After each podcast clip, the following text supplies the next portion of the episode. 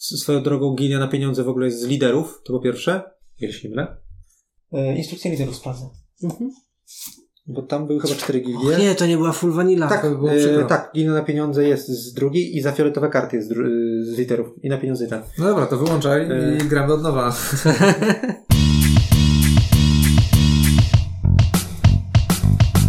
Cześć, z tej strony Malarz. Marian? I kurdes. I w dzisiejszym odcinku w imię zasad porozmawiamy sobie co nieco o grze Siedem Cudów Świata. Pierwsze pytanie. Czy coś waszym zdaniem wyróżnia tę grę? Znaczy ona generalnie jest inna niż pozostałe, co, jest, co w sumie już po raz któryś nam się powtarza chyba w materiale. Czy w sumie nie mówimy o każdej, tak? No tak, więc to już tak trochę się... Nie, mówiliśmy tak o dwóch. To przestaje coś No znaczyć. dobra. Mm, O Abesie i o Stadionie tak mówiliśmy. Ale to rzeczywiście tak jest. I ta też jest inna niż pozostałe. W sensie jest trochę gier draftowych, ale czy one są tak wyjątkowe? Czy ona jest wyjątkowa? Znaczy ma taką podstawową draftową mechanikę. Czy to jest wyjątkowe? No nie wiem.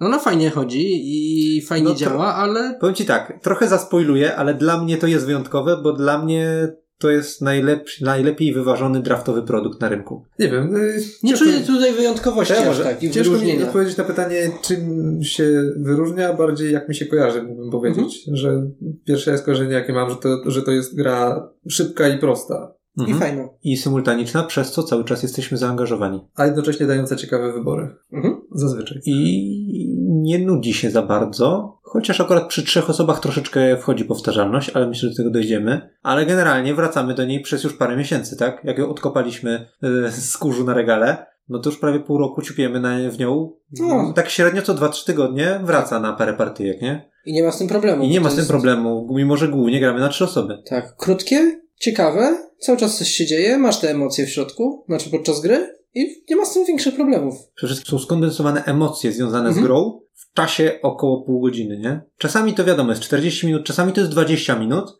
ale w tym czasie masz bardzo mocno skondensowane pozytywne emocje związane z, wybo- z wybieraniem jakichś rzeczy. Albo negatywne. Albo negatywne, bo ktoś się, ktoś się przeblokuje, no ale to jest specyfika rozgrywki w sumie często gapowe, nie? Że Mhm. c- tutaj No. przysnąłem, żeby przypilnować ekonomię. Albo gapowe, albo nie fart na dociągu. No tak, ale w sumie nie ma też takiego. y, Jest to w miarę równo rozłożone. Nie ma, nie ma takiego nabudowywania się, że na początku Mhm. się jest w sumie nudno i pod koniec nagle jest koncentracja jakichś ciekawych rzeczy. Tylko tak naprawdę każda ręka jest na mniej więcej tym samym poziomie Mhm. Tak, ja bym nawet, intensywności. nawet bym powiedział, że to, to nudno nie jest na początku, tylko jakby im dalej w erę. Masz Tym dwie, jest trzy, dwie, nudniej, trzy dwie karty do wyboru. Masz i bo wtedy zazwyczaj już... fajne A. rzeczy już zeszły i przepuściłeś, albo je wziąłeś. Chyba, że, A, chyba, że się na to przygotowałeś i wiedziałeś, co do ciebie wróci, No bo tak, tak. trzy, cztery. Ale czasami jest tak, że no wiesz, że dojdzie, dojdzie do ciebie słaba ręka, no. I... No to wtedy planujesz budowę cudu. Że Oczywiście, wiadomo, ale to chodzi o to, że to już się robi takie, ja czuję, że to się robi takie ciut nudniejsze. Tak, jak jasne. schodzą te fajne karty, jak się kończą wybory, a, ale później ci wpada nowa era. Tak, przede wszystkim to, co ja mówię, to też w sumie jest zbudowane na tym, że ty planowałeś przy pierwszych dwóch, trzech, zależy na ile się osób gra, Mhm. ale powiedzmy przy dwóch, trzech pierwszych rękach nie dość, że planowałeś, w co teraz idziesz, to jeszcze, okej, to do mnie wróci, więc postaram się na to przygotować, zbudować pewnie resursy, albo y, zebrać trochę pieniążków, żeby Mhm. kupić, albo coś tam, coś tam. Natomiast jasne, Tak. pierwsze wybory w każdej erze są najciekawsze. No i to oczywiście jest kwestia 3-4 osobowej gry, bo im więcej osób, tym bardziej nie ma planowania na dalej. No właśnie, skalowanie. Jak czujecie skalowanie w tej grze? Chodzi mi o to, jak myślicie o tym, to w ile osób chcielibyście grać, a ile byście nie chcieli grać. Na BGG jest ym, best 4-5 osób ta Mhm. gra. Zgadzacie się z tym? Znaczy, trzy osoby jest specyficzna przede wszystkim. Tak. Eee, Tak, ale do tego jeszcze wrócimy. tak, jest specyficzna. jest Ale czy to sprawia, że jest gorsza niż 4-5 osób? Znaczy mi się okej gra. Mi też się okej gra. Mi się dobrze gra i w trzy i w cztery osoby, po prostu to są trochę różne gry w pewnym Tak. sensie. Znaczy, w trzy osoby ta gra nabiera zupełnie innych barw, ale mówię, to zaraz do tego przejdziemy. Natomiast ja osobiście uważam, że w każdym setupie chętnie w to zagram, oprócz siedmioosobowego, siedmioosobowego bo tam rozkład tych kart już jest taki, że jedna z rąk nigdy do mnie nie dojdzie. Ja mogę sobie planować, że zbuduję warsztat, żeby mm, pójść potem w kolejną zębatkę, albo i ta karta nigdy do niej nie dojdzie, bo jest siedem osób, każdy z siedmiu graczy dostaje siedem kart. Pierwszy ma siedem, A dobrze, bo się sześć zagrywa. Dokładnie. I Tak, tak. sąsiad, który dojeść dopiero tuż przed tobą, ta ręka, która miała do ciebie dojść, ma dwie karty, jedną z nich odrzuci, drugą zagra. I to jest turbo słabe. Na sześć osób, jeżeli karta, każda ręka do ciebie dojdzie, to przyznam, że ten ostatni moment, kiedy już ktoś ma trzy karty, to już jest ten moment, kiedy jest bardzo dużo ryzyko, że ktoś cię skontruje. Bo już to są tam tak słabe rzeczy. Dla, dla mnie to jest ta granica, że jak już są trzy karty, to już jest naprawdę dużo ryzy, duże ryzyko kontry. A im, a im więcej kart masz do wyboru, tym raczej starasz się grać pod siebie i tu jest dla mnie taka magiczna granica. Więc rzeczywiście ja bym z przyjemnością w to grał w 3, 4, 5 osób, w 6 też ok, chociaż mogą być przykre sytuacje, natomiast 7 osób z ciekawości czasami Mhm. i w sumie też dlatego, że jest to symultaniczna gra, w którą mogę grać 7 osób i będę się przy niej i tak Nieźle, dobrze tak. bawił, nie? Mam wrażenie, że przy każdej liczbie osób powyżej czterech się zaczyna podobny problem. W sensie, to, że nie dojdzie do ciebie jedna ręka, niewiele zmienia, skoro i tak nie masz pewności, co się wydarzy po drodze. No, 6 osób, tak, dostajesz 6-7 losowych rąk w zasadzie. Tak, w, Sześć, no, sześć dobra, osób dojdzie ale- do ciebie każda ręka, ale co z tego, jak od ostatnia ręka, to już do- dojdą takie zgliszcza, których nikt nie chciał i których nikt nie zdążył schować. I za każdym razem każdą rękę widzisz pierwszy raz i w sumie, no, A przy pięciu jest niewiele lepiej, więc dopiero to tak jakby ciągnął czterech- stali losowe karty w zasadzie, trochę. Ja tutaj patrzę przede wszystkim na, na ścieżkę w zieloną. Mhm. Bo wiecie, każdą inną ścieżkę możesz troszeczkę dopasować, troszeczkę uciąć i tak będzie dobrze, a w zielone albo idziesz all-in, albo nie idziesz wcale. I w momencie, jak starasz się zbierać te symbole, to w momencie, gdy ręka ma do ciebie w ogóle nie dojść, a tam była zielona karta, której potrzebowałeś na przykład idąc w same zębatki albo w same tabliczki, e, no to to już jest tak, że chcesz zebrać przynajmniej trzy symbole. Najlepiej jakbyś miał cztery Mhm. albo w, w jakichś tam okolicznościach więcej, nie? Ale jak nie jesteś w stanie zebrać trzech przez zły rozkład kart i przez to, że jakaś ręka do ciebie nie doszła, no granie na zielono jest wtedy ryzykowne na, na więcej osób. na więcej niż cztery nadal bym powiedział jednak. Bo przy sześciu to, to też może się zdarzyć, że dużo zielonych symboli trafi na jedną rękę i po prostu rozejdą się po drodze. Znaczy, Więc- nawet jak się nie rozejdą, to nawet Mhm. w trzy osoby zagrasz ile? Dwa. Z tej Znaczy, właśnie zielone się nie rozchodzą, o to mi chodzi. One się same nie rozchodzą. One trafiają w 2-3 punkty na stole. Zależy ile jest osób. Powiedzmy, że na 6-7 osób trafiają w 3, powiedzmy w 3 punkty na stole. Mhm. Mhm. Mm, Jasne, ktoś ci może zabrać. Y, Jest na to szansa. Oczywiście, ale Znaczy, ktoś ci musi zabrać, bo jeżeli dojdą do ciebie dwie ostatnie karty z tej jednej ręki, no to nawet jeżeli tam były trzy albo cztery symbole, no to już tak jest pograne. Tak, Marcin, ale ty teraz mówisz o sytuacji stricte, kiedy akurat y, osta- na ostatniej ręce, która miałaby do mnie trafić, była ta zielona karta, nie?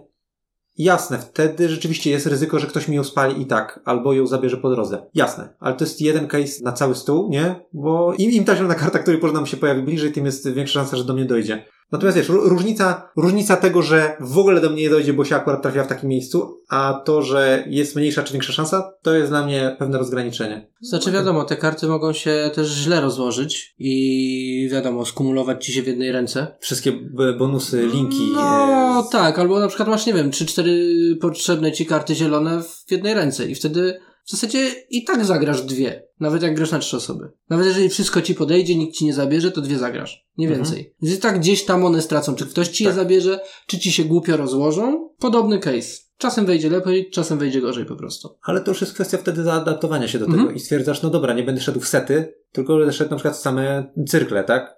I na przykład jeden set zbiorę. I, i trudno, bo, bo taki jest y, rozkład kart, nie? Mhm. Ale to ze wszystkim w tej grze trzeba się adaptować, tak? Sytuacja jest zawsze zmienna i, i trzeba po prostu reagować. Tak, i też sporo zależy od tego, jak się te ręce ułożyły jednak. Czasem potrafią ci się tak rozłożyć ręce, że no, bardzo chcesz, żeby cię nikt nie zablokował i bardzo myślisz o tym, żeby się zabezpieczyć, żeby nikt cię nie zablokował na przykład na czymś. No ale co zrobisz, jeżeli komuś się, właśnie temu, który cię chciałby zablokować, trafiła ta kluczowa karta na pierwszej ręce. I on bardzo chce cię zablokować. No, jakbyś bardzo chciał, nic z tym nie zrobisz po prostu. W pewnym Mhm. sensie przegrałeś na setupie. Nie przegrałeś, nie zgadza się. Znaczy- Bo to nie jest nigdy kwestia tego, że jedna karta ci Ja wiem, ja wiem, ale no w tym konkretnym elemencie, no nic nie mogłeś z tym zrobić po Co było w ostatniej grze? Była jedna trzecia szans na to, że tabliczka, której potrzebuję do seta, y, trafi akurat y, do Marcina, Mhm. a dwie szanse na to, że trafi do mnie albo do ciebie i przejdzie przeze mnie, tak? Trafiła się u niego. No trudno, nie mam seta. No i tak natrzaskałem punkty, bo po prostu poszedłem w coś innego. No tak, tak, to jasne. No ale jak masz na przykład taki Halikarnas, który bazuje na tym, że jest tym cudem i Mhm. chcesz wykopywać i bardzo chcesz mieć te trzy cegły w drugim etapie i wiesz, że potrzebujesz tej podwójnej cegły i zrobisz wszystko, żeby ją wybudować w pierwszym ruchu. A twój przeciwnik, który zupełnie nie potrzebuje cegieł i bardzo chce cię skontrować, bo na przykład drugi typ gra na piramidy, też potrzebuje cegieł. A siedzi na drugim końcu stołu? No, na, no, załóżmy, że gramy na te trzy osoby. na trzy osoby, tak? bo na, na cztery osoby wchodzą To się bardziej rozkłada, kolejne wiadomo. podwójne karty Tak, resursów, tak, więc tak. tam nie jest tak łatwo. Ale na te osoby... trzy osoby to jest taki, taki ekstrakt tego. Tak, tak, I tak. tobie się trafi ta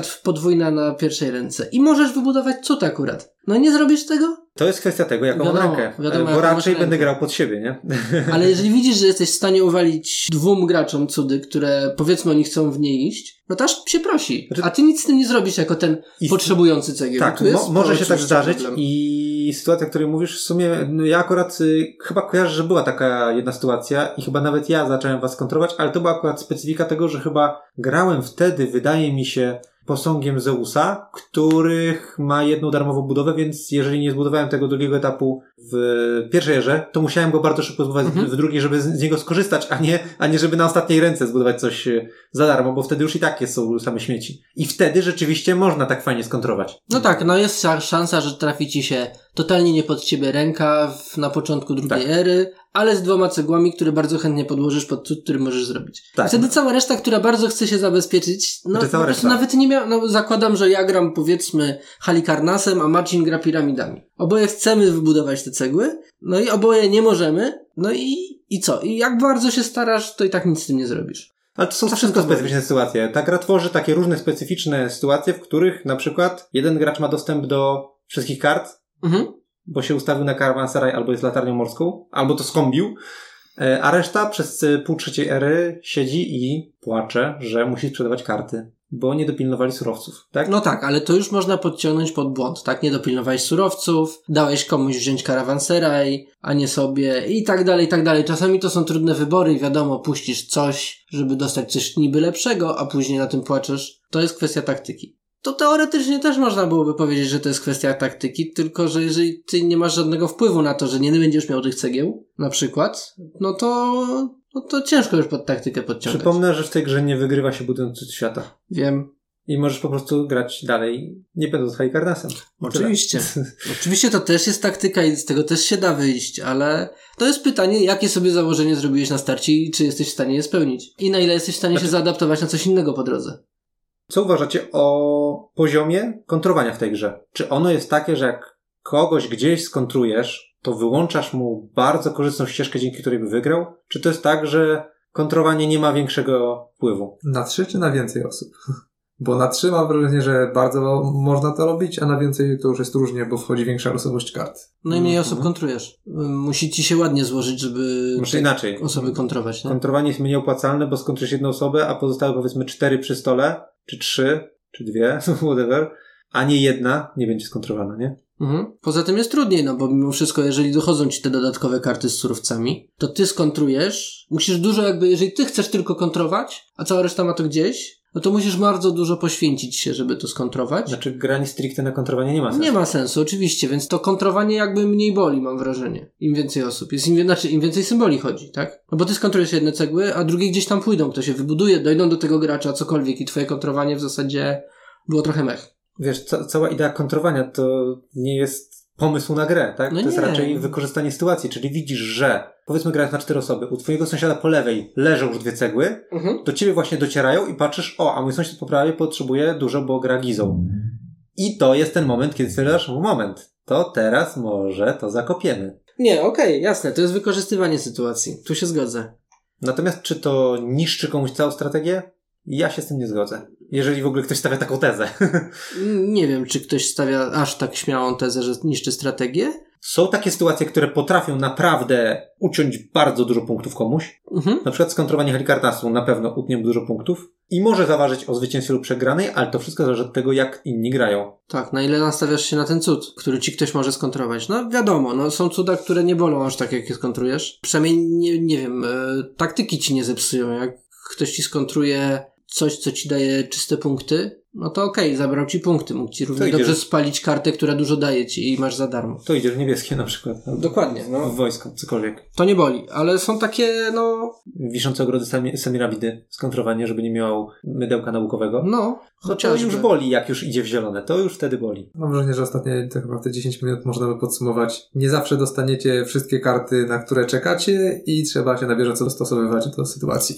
No, w sumie Tak, tak. ale pytanie brzmi, jak jest z tym kontrowaniem? Bo mi się wydaje, że ono uderzyło w taki sweet spot. To jest moja opinia. W pewnych momentach, kiedy jest to dla Ciebie opłacalne, jesteś w stanie kogoś przyblokować, jeżeli wyłapiesz tę sytuację, albo nawet zaplanować pewien sabotaż surowców, Mhm. samemu na tym dobrze wychodząc, ale to i tak nie, nie przeważa o zwycięstwie. Ja pamiętam kapitalną grę, pierwszy raz jak zagrałem la, latarnią morską na kontrowanie i bawiłem się świetnie. Połowę trzeciej ery wy wywalaliście karty na monety, bo na nic was nie było stać, a ja budowałem. Przegrałem o trzy punkty i tak. Mhm. Ale bawiłem się świetnie. To nie dało mi zwycięstwa. Mimo, że świetnie to zaplanowałem, nie dało mi to zwycięstwa. Żaden sabotaż, moim zdaniem, nie da ci zwycięstwa. Znaczy, no to jest On bardzo, ci może pomóc. to jest bardzo śmiała teza, żeby powiedzieć, że jednym zagraniem byłbyś w stanie wygrać grę. To akurat chyba nikt tak nie uważa, mam wrażenie. Ale, Samym sabotażem nie wygrasz. ale jak najbardziej zasabotowanie zbliża cię do zwycięstwa. Myślę, że Mhm. to, to trudno się z tym spierać. To też chodzi trochę o taki zrównowa- w pewnym sensie zrównoważony rozwój, tak? No, były takie gry, że poszliśmy w opór w zielone i nam zabrakło, tak?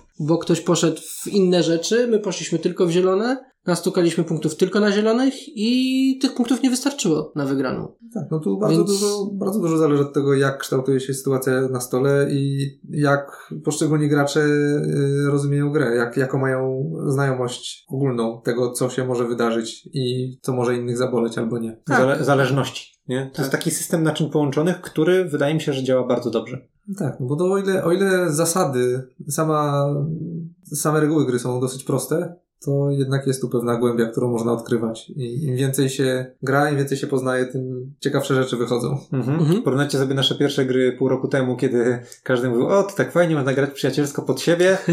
Można. A jak, a jak mieliśmy teraz miesiąc przerwy, nie, i tydzień temu sobie zaczęliśmy odświeżać, to kurde, No, kontra za kontrą. Prawie, po że. prostu lecimy, jak to się mówi, nie na kosy, tylko Trochę na tak. noże. Na noże, No. tak. W każdej grze leciało na noże, nie? Po prostu ciągle jakieś kontry, tutaj to nie mogę, tutaj mi spaliły zielone karty, o tych nie? i tak dalej, nie? Po prostu nie było No. chyba przez ostatni tydzień jednej spokojnej gry, żeby ktoś nie czuł, że został skontrowany przez kogoś. No, nie mówię, że mi się przyjemniej dzięki temu gra, ale no, fakt, tak było. Z pazurem jest, ale jest y, naprawdę ciekawie. Ciekawie. No właśnie, bo w ogóle sposobów kontrowania jest wiele. W sumie tak, można kontrować, e, sabotować czyjeś zielone karty. Można sabotować e, surowce, żeby inni nie mogli budować budynków w trzeciej erze jakiś. Znaczy, no, wiesz, sabotować zasadniczo można wszystko. Tak, tak, właśnie mi chodzi o, że duż, na wielu płaszczyznach można sabotować, Mhm. czy może nie sabotować, kontrować, no bo sabotaż to jest raczej wycelowany w konkretnie kogoś albo chodzi mi o kontrowanie, tak, że możesz kontrować zarówno czyjąś ścieżkę w zielone, to jest takie najbardziej, jeżeli chodzi o kolor, to jest najbardziej oczywiste. Możesz kontrować to, żeby twój sąsiad, do którego przekazujesz karty, nie dostał czerwonych kart, bo ty masz przewagę i po prostu je zakopujesz. Możesz kontrować brązowe karty, żeby inni nie mogli budować budynków, do których ty masz darmowe połączenia, na przykład, albo jesteś latarnią lub masz karawansera i lub rynek, tak? Czyli ekonomicznie możesz e, kontrować. No zasadniczo możesz kontrolować albo to, za co budują, albo to, co chcą zbudować. Do tego się to sprowadza. Albo to, Tak. żeby ktoś zbudował lub nie zbudował cudu świata. To już też właśnie przerabialiśmy, że jakby od tego zaczęliśmy, nie? Więc jakby Tak. płaszczyzn tego kontrowania jest dużo. Aczkolwiek to jest tak, to nie, jest... no, czy albo, albo to, za co budują, albo to, co chcą zbudować. Dokładnie. No. Ale koniec końców, czy odczuwacie, żeby to była gra wredna? Nie. Też nie uważam, że to była gra wredna. To jest gra friendly, ale jeżeli grasz z doświadczonymi graczami, To się robi tak... to musisz się liczyć z tym, że mogą ci pokrzyżować świadome plany. No, dokładnie. Nie grasz tylko pod siebie. Czy ona, ona nie jest wredna jako całość, ale ta wredność w niej siedzi, potencjał wredności. A przeszkadza wam ten pierwiastek wredności, który w niej jest? Osobiste preferencje.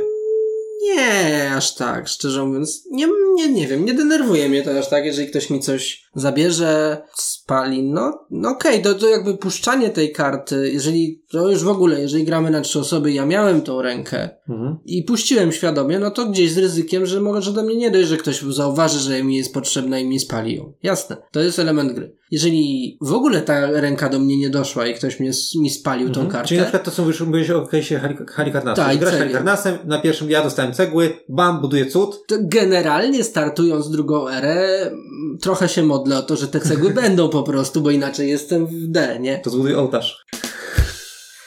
No, więc... E... Albo świątynię. A, to już za daleko. A nie, to jest druga era, dobrze. tak? Tak. E, No właśnie, to, ale- ale- ale- Okej, no, liczę się z tym, że karty, które mi są potrzebne, mogą do mnie nie dojść z różnych przyczyn. Mhm. Ktoś nawet może nie zauważyć, że mi jest potrzebna, ale stwierdzić, że potrzebuję akurat, nie wiem, sprzedać albo wybudować cud, a to jest dla niego szrot, więc to sobie powiedzmy zużyję.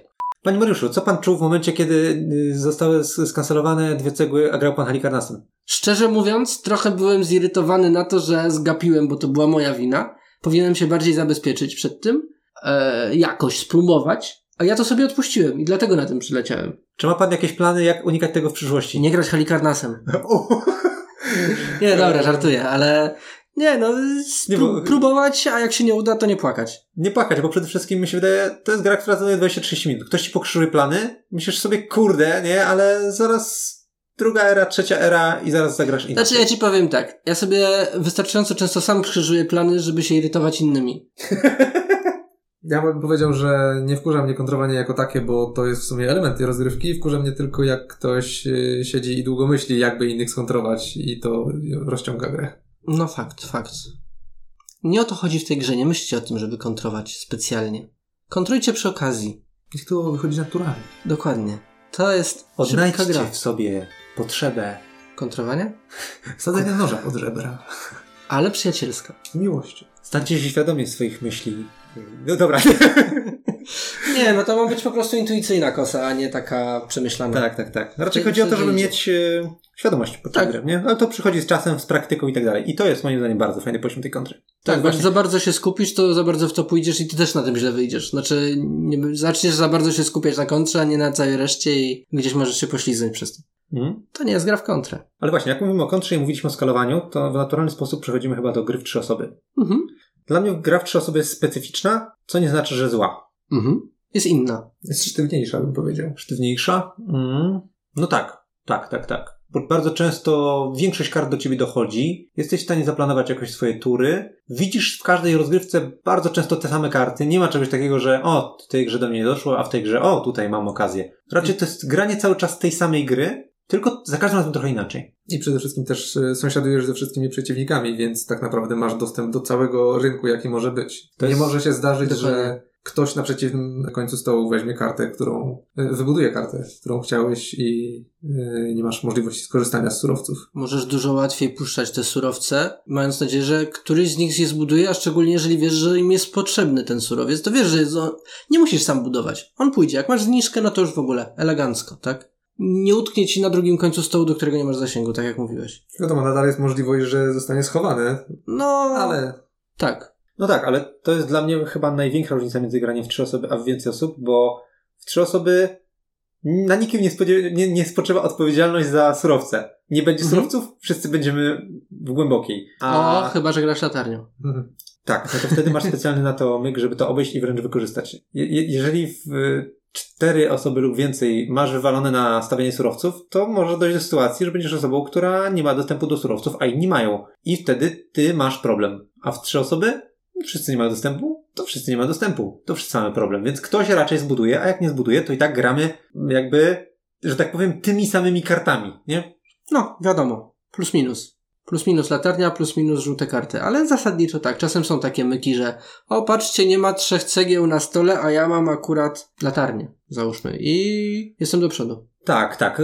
O swój tyłek chcesz zadbać, Mhm. żeby gdzieś tam być przygotowanym na, na coś, w co chcesz iść. Czy to cud, czy tak, jakieś i karty. tylko te, znaczy to głównie te dwie rzeczy wyłamują się z tego schematu, bo jak nie grasz na to i no właśnie, ktoś zawsze zbuduje te żółte karty z produkcjami. Pewnie tak. Najpewniej. Ale no, zasadniczo rzecz biorąc, jak ty nie masz, to inni mają. Mhm. I wszyscy na tym tracą. Tak, więc y, to, to jest jeden czynnik tej całej sytuacji, że gra nie motywuje mnie tak mocno jak w grze na cztery lub więcej osób, żeby wystawiać surowce, bo jak będziemy w bagnie, to będziemy razem. A druga rzecz jest taka, że w grze na trzy osoby na trzech graczy przypadają dwie karty handel wschodni, handel zachodni. Mhm. I bardzo łatwo jest doprowadzić do sytuacji, że ktoś w ciebie wyceluje zniżkę i będzie ciebie taniej kupował, więc masz mniejszą motywację, żeby wystawiać te karty. Im więcej osób, tym jest mniejsza szansa, że ktoś ciebie wyceluje handel wschodni lub zachodni, a druga kopia tych kart dochodzi dopiero na 7 osób. O. Więc im więcej osób, aż do sześciu, tym mniej się przejmujesz tym, że ktoś będzie brał od ciebie taniej, więc będziesz na tym mniej zarabiał, więc chętnie wystawiasz szare i brązowe karty, żeby po prostu zarabiać hajs i mieć, po pierwsze, grunt pod interesy na trzecią erę i na drugą oczywiście też, ale w trzecie to już jest naprawdę takie Tak, tam boli. tak, tak, he- heavy resource. Ale też, no kurde, zarobię pieniążki, w razie czego poratuję się pieniążkami. No Tak. i przede wszystkim będę miał też dostępność do surowców, bo może, jak nie zbuduję, to nie będę miał dostępu. No wszystko się kumuluje, że rzeczywiście gra, im więcej osób, tym bardziej jesteś zmotywowany do tego, żeby wystawiać te brązowe i szare karty, a na trzy osoby niekoniecznie, przez co co trzecia nasza gra wygląda tak, że w trzeciej erze ludzie wywalają karty. No, tak, bo trochę, trochę przeginamy z tym brakiem surowców, ale sytuacja, w której jeden gracz pójdzie w brązowe, a dwóch innych wyceluje w niego handel, no zdarzały nam się takie sytuacje, że właściwie jeden był produkcją dla całego stołu praktycznie. Albo wręcz jak to zobaczył, to już nie chciał być produkcją. I wtedy wszyscy płakali. No. W sumie a propos tego aspektu produkcji i opłacalności produkcji, przez to jak wygląda gra na trzy osoby, to moim zdaniem Caravansera staje się strasznie mocną kartą. Na Mhm. początku drugiej ery przeważnie to jest pierwszy albo drugi pik. Jeżeli ktoś akurat nie idzie na przykład w zielone symbole, których potrzebuje na pierwszej ręce, albo w coś innego właśnie, żeby się zabezpieczyć czymś kluczowym, to pierwszym pikiem bardzo często jest Caravanserai. Jasne. Bo właśnie w trzy osoby pozwala nam obejść dołki ekonomiczne, tak? Które się wytworzyły. Czy to nie jest też prawdą na cztery osoby, tak naprawdę? No ale im mniej osób, tym mocniejszy jest ten Car- Caravanserai, w moim odczuciu. A, jest jeszcze jeden aspekt ekonomii na trzy osoby, który go wyróżnia. W grze na cztery osoby dochodzą dodatkowe kopie podwójnych, podwójnych produkcji brązowych kart. Mhm. A na trzy osoby, no właśnie, ktoś ci spali podwójną cegłę, Wracamy do podwójnej cegły i trzech osób, dokładnie. pozamiatane, nie? Jest jeszcze jedna rzecz na trzy osoby, walczysz z każdym. Mhm. Masz w zasadzie kółko na wojnie. Tak. Jak dwóch graczy się ściga o wojnę, no to ty zawsze będziesz tym trzecim. Nie ma tego czwartego. To też się inaczej rozkłada wtedy, nie? W zasadzie, no, każdy z każdym walczy, nie? Tak, bardzo często na cztery osoby mam wrażenie, że dochodzi do takiej sytuacji, że gracze zieloni siadają naprzeciwko siebie i gracze czerwoni w naturalny sposób też jakoś siadają naprzeciwko siebie. W sensie Mhm. ta wojna zaczyna się generować, patrzysz, a sąsiad ma wojnę, to nie będę szedł, a po drugiej stronie jest gość, patrzy, ej, oni idą w wojnę, a pójdę w wojnę. Znaczy to jest takie bardzo uproszczenie, ale bardzo często w naturalny sposób się... Polaryzuje. Tak, polaryzują te czerwone i zielone karty. Nie mówię, że to złe, po prostu mówię, że jest taka charakterystyka. A w sumie zarówno zielone, jak i czerwone karty działają inaczej na trzy osoby, nie? Mhm. Bo zacznijmy od zielonych. Z zielonymi jest tak, że jeden gracz zaczyna iść w zielone, no to teraz tak, jak mu odpuścimy, to goś Poleci. raczej wygra, bo zrobi tyle punktów na zielonych, że jest pozamiatane, więc ktoś musi iść w jeden symbol na przykład. Mhm. Albo po prostu stwierdzić, że się z nim ściga. Ale jak gdzie dwóch się ściga, tam, gdzie dwóch się bije, tam trzeci korzysta, nie? Więc ci się będą tłukli o karty, a, a trzeci coś tam pójdzie i na tym wykręci in, na innym obszarze punkty. No, wiadomo, można tam próbować dziabnąć na przykład set. To dużo nie boli, a punktów trochę da, nie? Jakoś go tam Tak, jeden tak, jeden Jeden secik, set. albo pójść w jeden, w jeden rodzaj symboli. Mhm. Tak, coś tam go próbować kontrować, wiadomo. Albo się ścigać rzeczywiście. Przecież też mieliśmy gry, że się dwie osoby na zielone ścigały i, i jakoś na tym dobrze wychodziły w miarę.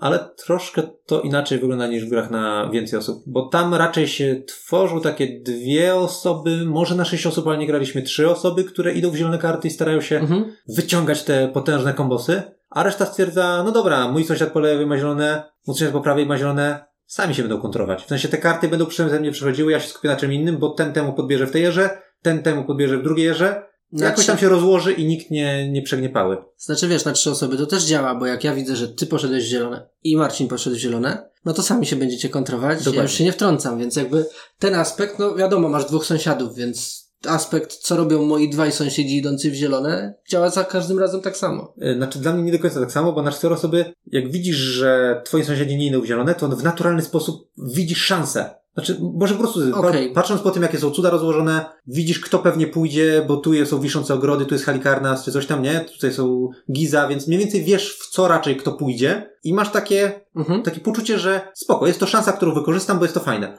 A w trzy osoby jest na zasadzie, ej, on idzie w zielone, ktoś go musi skontrować. Ktoś się musi za to zabrać, żeby albo właśnie pójść w jeden set, albo w jeden symbol, bo jak nie, no właśnie, i to jest raczej wymuszone.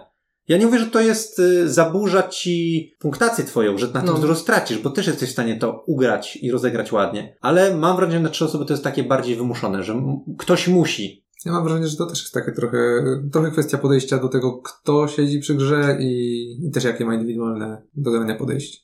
To znaczy wiesz, jak wy byście we dwóch nie poszli w zielone, to też by mnie fajnie zachęciło do tego, żeby jednak w nie pójść. Mhm. Jasne, nawet na trzy osoby. Mhm.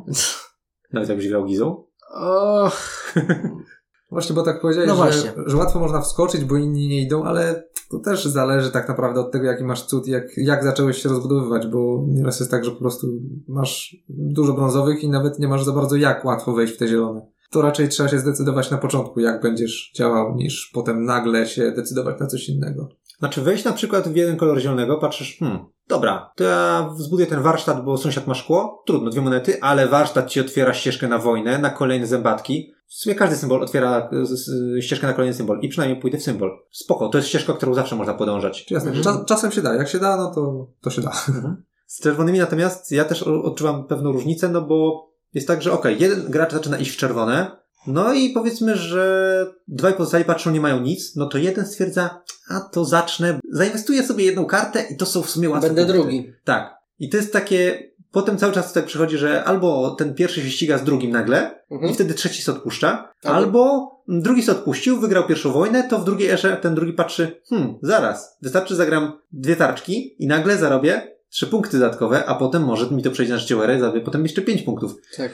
Mm, Albo się pierwszy Ta walka drugim. między, w trzy osoby, ta walka między tymi graczami bardzo często to jest takie ścieranie się, a nie, a nie polaryzuje się to. I to mi się akurat wydaje ciekawsze. Bo okej, jedna osoba może się albo bardzo wysforować, albo bardzo zostać z tyłu, ale przeważnie dwaj pozostali gracze cały czas się ścierają. A na cztery osoby lub więcej, gdzie powstają takie monolity przy stole, Mhm. gdzie gracze nagle bum, bum, bum, bum i ich sąsiedzi patrzą, no dobra, nie ma sensu. Przegrywam z oboma, nie? Jestem trzeci. Co nie zrobię, będę trzeci, bo oni się ze sobą nie biją. Mhm. Okej. Więc akurat według mnie wojna na trzy osoby jest ciekawsza. Mam wrażenie, że to też jest akurat kwestia tej specyficznej, konkretnej sytuacji, kiedy faktycznie rozsadzą się po stole, bo równie dobrze może być tak, że dwóch obok siebie siądzie graczy, którzy ze względu na to, jakie mają cuda, będą szli w zielone i będą ignorowali wojsko i wtedy wojsko zostaje dla tych pozostałych dwóch, którym i tak się opłaca pójść obu, skoro mają jednego sąsiada, że tak powiem, gratis. Znaczy, wiesz, drugiemu, jak jeden pójdzie mocno, to drugiemu wystarczy, jeżeli oni totalnie oleją, to Wystarczy wystarczy mu jeden. No nie? tak, ale wtedy sytuacja tak tak, naprawdę kształtuje się kosztem. dokładnie taka sama jak na trzy osoby, że No oni się tak, mogą ścierać, ale nie tak. muszą. Analogiczne. Zasadniczo tak. Okej, ja mam jeszcze jeden temat, jeśli chodzi o grę trzyosobową. Ja zawsze, jak gramy na trzy osoby, nie lubię grać Wielką Piramidą w Gizie. Dlatego, że ona wiadomo, że idzie w resursy. Jasne, wiadomo, że ja, wiemy, że można zagrać inaczej, tak jak ty, Marian, ostatnio nam pokazałeś. To było niesamowite po prostu. Tak. To była piramida, która miała tylko żółte i niebieskie karty, a mimo to się cała zbudowała i radziła sobie całkiem nieźle i miałeś kilka punktów do zwycięzcy. Prawie No. wygrałeś wtedy. No, powiedzmy, nie byłem strasznie w plecy na pewno, byłem tak jakby mi, powiedzmy, poszło gorzej w normalnym secie, więc Mhm. Tak, nie było źle. Jak na tak dziwny setup, na żółte i niebieskie karty tylko. To było bardzo ciekawie wykminione. Ale ogólna zasada jest taka, że raczej Wielka Piramida w Gizie będzie chciała robić dużo brązowych kart, bo ma duże koszty i dużo punktów na etapach budowy, zwłaszcza na stronie B. Mhm. I w momencie, gdy wybieram piramidę, to ja już wiem, że handel wschodni i handel zachodni zostaną we mnie wycelowane i gracze będą mnie doić. I to sprawia, że ja nie mam ochoty brać tego cudu na trzy osoby. Znaczy, ja nie wiem, szczerze mówiąc, nigdy nie myślałem o Gizie w ten sposób. Może mało za mało nią gram, albo co, ale no okej, no wycelują, wiem przynajmniej, że mi będą płacić, tak. Że to ja będę te hajsy dostawał. Tak, to prawda. To jest może taki mój osobisty Mhm. y, świrek, że ja nie lubię, jak ktoś we mnie celuje i kupuje za jeden. Czuję się wtedy dymany przez ludzi, że za pół darmo po prostu biorą ode mnie y, moje ciężko za- wypracowane y, re- resursy wyłożone, nie? No widzisz, nie masz tej żyłki handlowca widocznie. Że wykładasz te resursy po to, żeby oni pod ciebie kupowali je. Nawet taniej. Taniej to więcej niż zada- zero, nie? No, nieraz jest tak, że wykładasz, ty wykłady surowce i wykładasz, a potem nic nie zarabiasz, bo ludzie stwierdzają, nie, nie będę tak drogo brał, sam się rozbuduję. Dokładnie. A E, jak ty się rozbudujesz, a oni wezmą handel, to zasadniczo będą ci dawać pieniądze. Ich ciężko zarobione pieniądze. Za Grosz. twoje i tak mi się przyda. Więc to jest kwestia podejścia, myślę. Ja w sumie z piramidą mam trochę inny problem. I nie tylko z piramidą tak naprawdę. To znaczy to, że ona ma dużo etapów, gdzie wymaga trzech albo czterech surowców. Takich samych. Tak. Mhm. No, do pewnego stopnia to jest w sumie większy trochę problem w trzyosobowej grze, bo faktycznie jest potem mniej tych podwójnych Łatwiej zasobów w drugiej erze. Łatwiej skontrolować, tak. Także o ile na początku, kiedy graliśmy w miarę przyjaźnie w tych pierwszych partiach, to bardziej, bardziej zwracałem uwagę na to, co poszczególne cuda dają na różnych etapach, tak im więcej graliśmy, tym bardziej przechodziłem w stan, jak łatwo można ten cud skontrować. I właśnie patrząc po tym, ile jest trójek, ile jest czwórek. No tak, wiadomo, nie tylko piramida to ma w ogóle wszystkie etapy, które mają trzy takie same symbole, czy cztery takie symbole są. No, potrafią być ryzykowne na taką agresywną trzyosobową grę, na pewno. Mhm, tak, no i właśnie wiele cudów, które na początku mi się podobały, bo mi się w nimi przyjemnie grało, potem przestało mi się podobać, bo mówiąc w cudzysłowie, nie da się nimi grać. Znaczy ja na przykład jak mam taki heavy resource cud, na przykład kolosem, bo kolos ma dla mnie etapy, które są kluczowe, żeby mieć te wojsko i nagle uzyskać tę przewagę, a przynajmniej posiadać komfort uzyskania tej przewagi, bo to jest też straszak na innych, to ja od razu dbam o to w pierwszej erze. Żeby budować e, akurat materiały, które, i żeby mi brakowało tylko jednego, bo ja już tam jeden sobie jakoś albo, O, albo karawanserem mi się, mi się uda upolować, albo jakoś tam inaczej go może osiągnę, a jak brakuje mi dwóch, to wystarczy, że ktoś mi spali podwójną kartę i będzie pozamiatane. Jasne. Tak, ale to i tak jest liczenie na szczęście i na to, że cię nie skontrują. Albo po prostu, że nie, nie będzie dla nich korzystne wzięcie tej karty karawanseraju. Poza tym wtedy musisz się rozbudowywać w e, brązowe praktycznie, tak? Ale to nie, nie ma w W tym nic, kilka nie, kolorów. nie ma w tym nic złego. Trochę jak w piramidzie. Wtedy wszyscy celują na ciebie handlem i płaczesz tak jak przy piramidzie. Ale nie płaczesz. Dlaczego? No bo jakby case z tym, że musisz budować dużo brązowych i wszyscy celują w ciebie handlem i, i tak dalej, powiedzieć, że jest przy piramidzie, a przy innych cudach, które wymagają dużo surowców i musisz się zabezpieczyć, de facto case jest taki sam, ale jakoś... Nie jest taki sam. Inne potrzebują powiedzmy dwóch e, surowców, które, których jest dużo, a piramida na stronie B przede wszystkim trzech, z tego co kojarzę. No trzech, niby trzech, ale to... No niby trzech. Ale tak No ale- naprawdę tylko dwóch dużo. Tak, bo to masz kamienie i cegły. No tak, ale musisz imię musisz zrobić trochę drewna, więc generalnie wiadomo, że tych brązowych kart trochę Mhm. będzie, więc może dlatego, odpowiadając na twoje pytanie. Mhm. E, Natomiast to, co chciałem powiedzieć, to jest to, że mnie się wydaje, że będąc świadomym tego, że może powstać taki problem akurat z tymi trójkami i czwórkami, zaczynaj zajmować się tym problemem od pierwszej kolejki, pierwszej ery. Buduj brązowe karty, które posiadają te, te niezbędne ci symbole, żeby mieć pewność, że są na stole i przy okazji będą u ciebie. Jasne, Jeśli ci się trafią na rękę. jasne. O wiele gorszy problem jest e, w pierwszej edycji z niektórymi cudami, które posiadają podwójny szary symbol do e, budowy trzeciego etapu. Jasne. Tak, to już jest w ogóle patologia. Tak, szczerze mówiąc, jak już weszliśmy na ten troszkę mm, moderate level, taki średni, e, średni level gry, powiedzmy, bo to jeszcze nie jest wysoki, ale już zauważyliśmy wiele rzeczy, to ja już nigdy nie wybiorę strony cudu, która ma koszt dwa szkła, albo dwa materiały, albo dwa papiery. Mhm. Zwłaszcza, że to są strony A, które są ewidentnie gorsze. Jasne, dostajesz ten jeden symbol szary na starcie, ale zasadniczo nikomu innemu nie zależy na tym, żeby leżały dwa takie symbole na stole. I jesteś zdany na sam, sam na siebie, żeby o to zadbać. A już jeden masz. Mhm. Budujesz kartę drugiego szkła. Oczywiście, jak y, uda ci się upolować rynek, to super.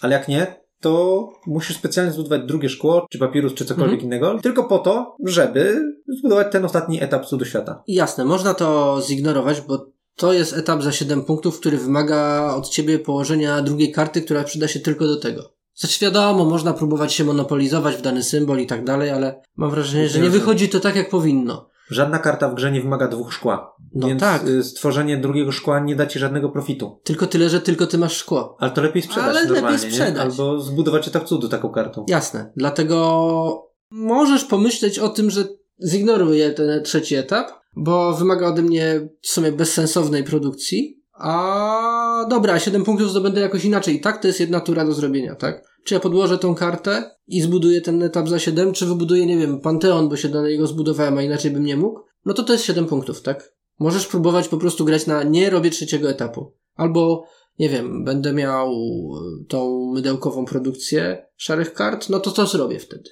Może, może po prostu trzeba się na tym nie skupiać. Ale rzeczywiście, no, koszt, który jest tylko dla ciebie na stole, no, powoduje, że no, musisz o niego zadbać i to tylko w jednym przypadku ci się przyda. I to jest, to jest bolesne. Bardziej dużo chyba niż, niż te poczwórne produkcje. Tak, zde- zdecydowanie bardziej. No właśnie, tutaj tak może już przejdźmy do różnic między, pierwszą a drugą edycją, Mhm. bo my gramy na pierwszej edycji, ale jesteśmy świadomi różnic. Zresztą na Board Game Arena jest dostępna druga edycja i każdy może grać e, tam, natomiast my głównie gramy, gramy w wersję fizyczną, większość gier, ale no właśnie, te różnice. Dla mnie różnice są chyba trzy. Pierwsza jest taka, że w drugiej edycji nie masz tego problemu podwójnych szarych kosztów. Gdzieś tam jeszcze oczywiście warto wspomnieć, że zostały rebalansowane w ogóle koszty, koszta cudów i niektóre karty, ale to jest kwestia, powiedzmy, generalnie drugorzędna przynajmniej dla mnie. Mhm. Druga różnica duża dla mnie jest taka, że w pierwszej edycji niebieskie karty z pierwszej ery wydają się absolutnie nieopłacalne. Wybudować kartę, która daje dwa punkty i daje link do, nie wiem, czwórki, Która i tak jest tania. Tak. Ja zawsze wtedy, jeżeli mi zostaje na ostatniej ręce takie coś, ja zawsze sprzedaję. Może to jest błąd, ale wydaje mi się, że to nie ma sensu. W trzeciej edycji są tylko trójki i one mają ciekawsze linki. Mhm. I to jest jedna z rzeczy, którą bardzo mnie kusi druga edycja, żeby przynajmniej ten balans niebieskich kart poprawić. I trzecia różnica, która dla mnie jest istotna, jest taka, że symbole połączeń między budynkami w pierwszej edycji są rozpisane jako nazwy tych budynków i, i są oznaczone, co ten budynek da, więc nie musisz grać w pamięciówkę albo sięgać do instrukcji, a w drugiej edycji niestety zabawili się symbole używane y, w duelu, czyli masz po prostu jakiś hełm rycerza, jakiegoś konika i pamiętaj sobie, co to jest za link. I to mnie wkurza w drugiej edycji niestety, że trzeba mieć... Na Board Game Arena akurat nie ma tego problemu, bo możesz sobie zeskrolować w dół i zobaczyć, co to jest y, za budynek. Ale grając w kopię fizyczną, no sorry, poproszę co chwilę o instrukcję, albo muszę... Pamiętaj. To... Tak. Tak, to to w pierwszej edycji w, w designie samym gry, no to było lepsze, to było takie oczywiste. Widzisz, jaka karta ci to da e, za darmo i nie musisz tych symboli sobie porównywać i, znaczy nie, okej, okay, dobra, nazwa to też jest do sprawdzenia, ale przede wszystkim widzisz, co ci daje ten, ten link. No. Co sądzicie o tych różnicach? Wyłapujecie jeszcze jakieś inne, które są... Znaczy to są chyba wszystkie zmiany tak naprawdę de facto. Znaczy, oprócz, no, tego, oprócz tego, są pewne balansy pewnych kart, na które ja akurat nie zwracam uwagi, dłużej. No i balansy cudów. Tam się pozmieniały niektóre cuda po prostu. I to jest chyba... Tak, tak, tak, tak. Z największą zmianą jest chyba Zeus, który na obu stronach się zmienił. Na stronie A to już nie jest jedną dowolną kartę w każdej erze możesz zagrać za darmo, tylko od tej pory pierwsza karta w każdym kolorze jest dla ciebie darmowa, co daje trochę więcej kombinowania i to jest dla mnie kolosalna różnica. Na stronie B w sumie też się sporo zmieniło, bo nie masz tego fajnego bonusu, że kupujesz brązowe surowce od sąsiadów za jeden. Chociaż poleciał też trzeci etap, czyli skopiuj dowolną gilię od jednego z sąsiadów, który był taki sobie. Natomiast tego przebudowali tę stronę tak, że ostatni etap daje raptem 5 punktów, a pierwszy i drugi etap zmieniły się tak, że pierwsza karta zagrana w erze jest darmowa, a na drugim etapie, że od tej pory każda ostatnia karta zagrana w erze jest darmowa. Ale jest też y, mała zmiana na wiszących ogrodach na stronie B, które miały trzy etapy, a teraz mają dwa etapy. W sensie zaczyna się już, zaczyna się już od razu od, od, od starego drugiego etapu, czyli od razu można zdobyć pierwszą budową bonus, że w ostatniej kolejce w każdej erze używasz obydwu kart, że nie odrzucasz jednej z nich, tylko obydwie możesz y, zużyć w jakiś sposób. I to jest y, spoko. Ale sumarycznie, czym powiedział, żeby te różnice wpływały dla mnie na to, czy miałbym grać w pierwszą czy w drugą edycję, nie powiedziałbym. No, troszeczkę się te cuda różnią, natomiast w obydwu edycjach te efekty są w jakiś sposób ciekawe. Mhm. Czy wiesz, to może też jest kwestia poziomu naszego. Także nie ciśniemy w jakieś e, ścieżki, taktyki, konkretne cuda. W zasadzie, no, powiedzmy tak, gramy i tak zazwyczaj sobie losujemy te cudy, na których gramy, więc w pewnym sensie możemy każdym jakoś tam zagrać i jakoś próbować coś wygrać nie nastawiamy się na aż tak na lepsze i gorsze, wiadomo, no każdy ma swoje preferencje, ale um, wydaje mi się, że to przez to nas to aż tak nie może nie ruszać ten balans cudów, bo w sumie, no okej, okay, i tak jestem w stanie zagrać gorszym cudem i też jakoś się bawić dobrze. Mhm. E, te dwupunktowe karty w pierwszej erze są no rzeczywiście takie, no co tu dużo mówić, mech. Są, bo są. Koszty tych następnych kart w drugiej erze i tak zazwyczaj są takie, że je zrobisz, tak? Może oszczędzisz trochę hajsu, mhm. ale no, jak, się, jak nie zbudujesz tego linka z pierwszej ery, no nic się złego nie stanie. Wiadomo, jak tam próbujesz wymaksować punktów, zawsze dwa punkty. Ale tak jak mówisz, może kupienie, znaczy sprzedanie tej karty i dostanie hajsu jest lepszym rozwiązaniem, bo to jest elastyczność i będziesz mógł dzięki temu coś tam i lepiej na tym wyjdziesz, więc to było słabe. Albo postawienie etapu co do świata. Też Chociaż. jest o wiele lepszym wyborem. Nawet jeżeli to są trzy punkty, a budynek niebieski za trzy punkty, to ja wolę etap, bo już jestem bliżej do drugiego etapu. Mhm. I nie będę na to tracił czasu w drugiej erze, kiedy są lepsze karty. Jasne, to wszystko zależy. I czasami się postawi.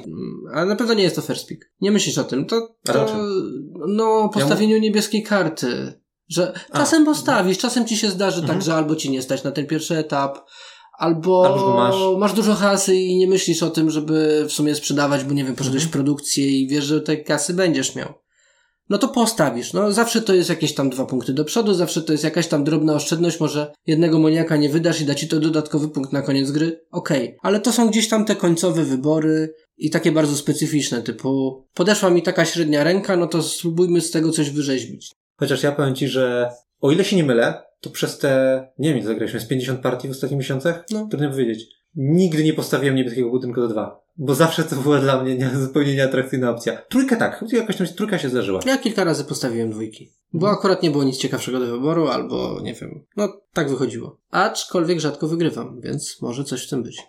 Z tych czterech różnic, które wchodzą w drugiej edycji, balans cudów, zaufam autorom, że wiedzą co robią. Balans kosztów, zaufam autorom, że wiedzą co robią. Zmiana symboli na tym poziomie, na którym gram mi nie podchodzi, bo nie pamiętam po prostu wszystkiego, wszystkich kart, nie znam ich na pamięć. Więc jednak trochę mi to utrudni, albo utrudniłoby, gdybyśmy na nią przeszli. To jest czwarte? Niebieskie ścieżki. Niebieskie ścieżki. No okej, okay, no to, to, też w sumie ufam autorom.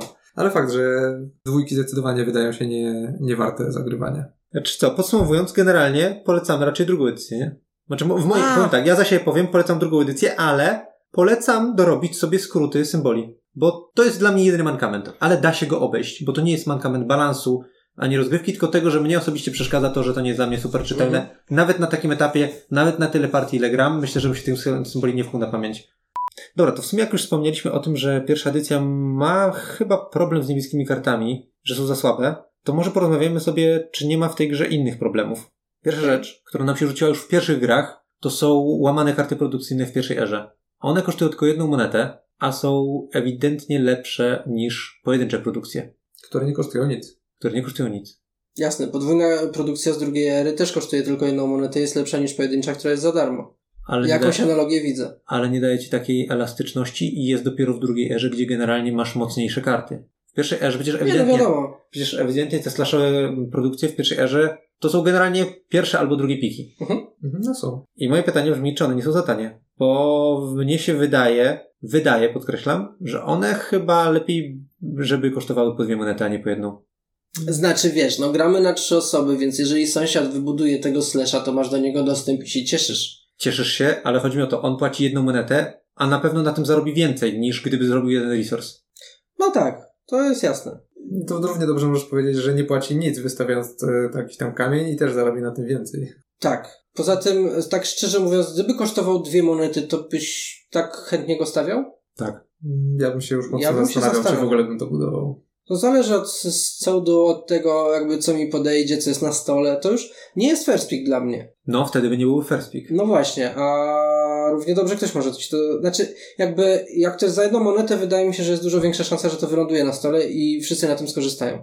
Mam wrażenie, że gdyby kosztowało dwa, to wolałbym po prostu wybudować goły pojedynczy resource zamiast tego. No za zero? Jasne. Za zero. Poza no, tym, wiesz... dla, dla mnie to zależy od sytuacji. Natomiast y, w momencie, kiedy mam slashowy, slashową produkcję, to nawet nie patrzę, jaka to jest produkcja, bo nawet jeżeli to nie są dwa surowce, które, na których opiera się mój cud, to ja to i tak postawię. Oczywiście, jeżeli nie idę w zielone, albo nie idę w jakąś specyficzną taktykę, którą sobie obrałem, to przeważnie i tak to zbuduję, dlatego że te surowce i tak mi się kiedyś zwrócą w drugiej, w trzeciej erze, a bardzo często też w pierwszej, żeby zdobyć jakąś nagle czerwoną kartę i nagle wygrać wojnę, zyskać przewagę.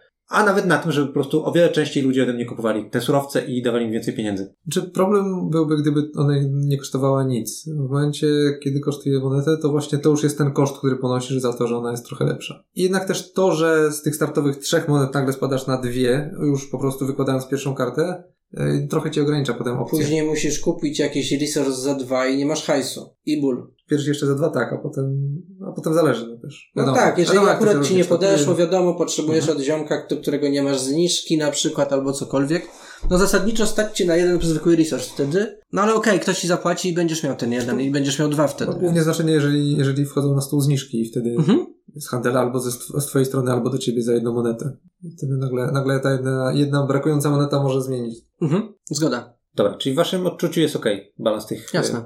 Okej. Znaczy, nie, nie wiem, czy jest idealnie, ale nie wydaje mi się, żeby to było problemem. Znaczy też nie jestem pewien, czy to powinno być tak, że one są równoważne z tymi darmowymi pojedynczymi surowcami. Mhm. Że jest okej, że są lepsze? Tak, tak mi się wydaje. Poza tym jeszcze jest druga rzecz, no. Głupio by było tak zrobić slashowy resource w pierwszej erze za dwa, a później zostawić podwójny resource w drugiej erze za jeden.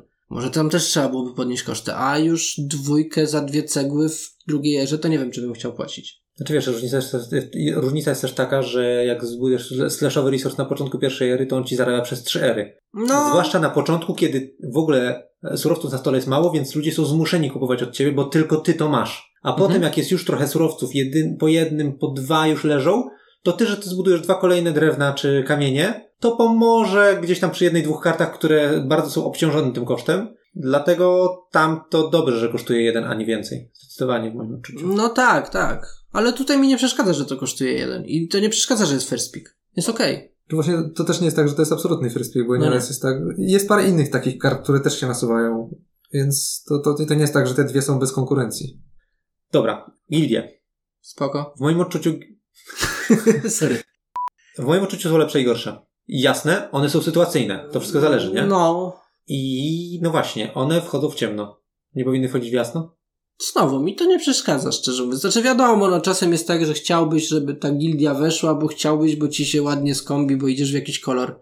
Albo bo coś tam i jej akurat nie ma, no smutek. Ale no, w sumie ta gra bazuje trochę na tym, że zależy jak ci się dolosuje. Myślę, że to jest ciekawy po prostu mod do rozważenia, żeby zagrać sobie w taki sposób i, i traktować to jako równoważny wariant. Mhm. No, wyda- wydaje mi się, że tak grając bardziej na serio, powinno się wylosować te pięć gildii, żeby one leżały na stole i jak się będzie zaczynała trzecia era, ciach, tasowujemy je, rozdajemy karty. No można, no można. Wtedy jakby grasz w jasno, wiesz czego się spodziewać, wiesz na co się nastawiać. Albo wiesz co komu blokować. Jasne. Aczkolwiek jak chcesz blokować, to i tak zablokujesz, bo trafi do ciebie, to zablokujesz. Ja mam przede wszystkim problem z dwoma gildiami, bo w ogóle są lepsze, są gorsze, są sytuacyjne, ale to jest w miarę wszystko w, w granicach rozsądku. Ale jak mi wejdzie gildia strategów albo gildia filozofów, to dla mnie to jest po prostu someone got lucky. W sensie, wie, wiecie, gildia filozofów to jest to, że za każdą zieloną kartę u sąsiadów zabierasz punkt. I w momencie, jak ona się akurat wylosuje, to akurat gracz, który nie idzie w zielone, dostaje jakieś krocie punktów, czyli około 9-10 przeważnie na trzy osoby, No. Grając najwięcej osób, też przeważnie sąsiad, przeważnie jest jeden czy dwóch gości, którzy akurat sąsiadują z dwoma zielonymi graczami. I ten gość dostaje po prostu prezent. Czy wiesz, prezent, no... Jasne, no poszedł w coś innego, nie poszedł w zielone, próbuje na czymś innym zdobyć punkty. Jakby z perspektywy kart zielonych jest to takie troszeczkę wyrównanie szans, tak? Wiadomo, że jeżeli jeden gracz pójdzie w zielone, to on dostanie dużo punktów, jego sąsiad. Jeżeli dwóch pójdzie na równo, to też dostanie dużo punktów. Okej, no... Dla mnie to jest taka trochę y, też y, nagroda pocieszenia, że nie poszedłeś w zielone, ale jednak coś tam dzięki temu, że ze zielone chodzą, są na stole, to coś tam zyskujesz. Powiedziałbym tak o każdej innej karcie, do których muszą się stworzyć dobre warunki, że akurat twoi dwaj sąsiedzi mają dużo żółtych, akurat twoi sąsiedzi mają dużo niebieskich. Zielonych dużo, bardzo często, w trzyosobowej chyba zawsze. Bardzo często jest sytuacja, że jeden gracz ma dwóch sąsiadów na zielone i to jest po prostu karta, która temu jednemu graczowi daje w cholerę punktów. I jeżeli ktoś się nie pogrzebie, gość dostaje 90 punktów. No ale to równie dobrze można by tak powiedzieć, że ta karta, która daje dodatkowy punkt za każde trzy monety też daje temu gościowi, który akurat poszedł w dużo monet. A jest strategia na dużo monet? Bo ja takiej nie znam. A, mam wrażenie, że Marian często tak gra. No, ostatnio mi nie idzie, ale wcześniej było tak. Ale ja kojarzę że tam, jak kogoś- ktoś ma dużo kasy, to tak wyciąga 6, 7, tak 10? w dobrych Ja wiatrach. w Tak? sobotę 9 Miałem ciągnąłem. 10? No, 10 kiedyś ciągnąłeś. spokojnie. To jest jak najbardziej realne. I to też wtedy- kwestia gość po prostu zbierał te monety, bo tam nie wiem, ma akurat dużo żółtych albo coś, albo po prostu dużo, daje. dużo mu płacili. No, mniejsza o to jak zdobył. I też kwestia, że ta gildia wejdzie albo nie wejdzie i daje mu 9 punktów albo nie.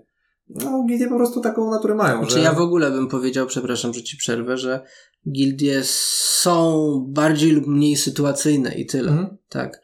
Każda z tych gildii może źle podejść. Niektóre wiadomo, że łatwiej wejdą, patrz na przykład właśnie filozofów, bo te zielone gdzieś będą. Ale no, z- tak samo możesz, znaczy może nie tak samo, ale z niebieskimi też często jest tak, że te 6-8 punktów wykręcisz, bo sąsiedzi poszli po trzy niebieskie, no to masz 6 punktów już, nie? A 6 9 to Nawet nie jeśli sam pójdziesz w trzy niebieskie. Tak, więc myślę, że to bardziej jest Nie kwestia... powiedziałbym, że to aż tak boli, dokładnie. Jeżeli komuś przeszkadza, że nagle się okaże, że ktoś dostanie dużo punktów, no to faktycznie może lepiej spróbować zagrać na te jawne gildie i wtedy od Mhm. początku sytuacja jest jasna i nie będzie zaskoczenia.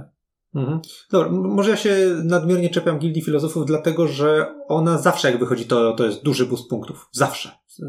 Nie pamiętam sytuacji, żeby nie było jakoś jednej osoby przy stole, która by na tym nie zyskała bardzo dużo punktów, jeżeli Mhm. do niej dojdzie, nie? Ale w sumie zyskuje akurat ta osoba, która nie zyskuje dużo na zielonych, więc... No właśnie. Okej. Ale z Gildią Strategów, tutaj mnie akurat nie przekonacie. Gildia Strategów Okej. nawet wyleciała z drugiej edycji, dlatego że na grze, w cztery, zwłaszcza w, cztery- na, na trzy osoby to może to nie jest takie bolesne, ale na cztery osoby lub więcej, ale powiedzmy, że się polaryzuje sytuacja, że jest dwóch na dwóch graczy i ten z tych graczy militarnych, który zdobędzie tą Gildię Strategów, wyciąga z niej 12 punktów. No Mhm. bo obaj jego sąsiedzi przegrali trzy razy z nim i przegrali trzy razy z gościem, który siedzi po drugim, na drugim końcu stołu. I teraz pytanie, komu się pierwszemu trafi z tych dwóch gości? No jasne, na trzy osoby też to działa, bo przecież jeżeli zdarzały się takie sytuacje, że jeden poszedł mocno Na w trzy osoby? Tak. No to my jesteś w stanie z niej wyciągnąć 9, nie więcej.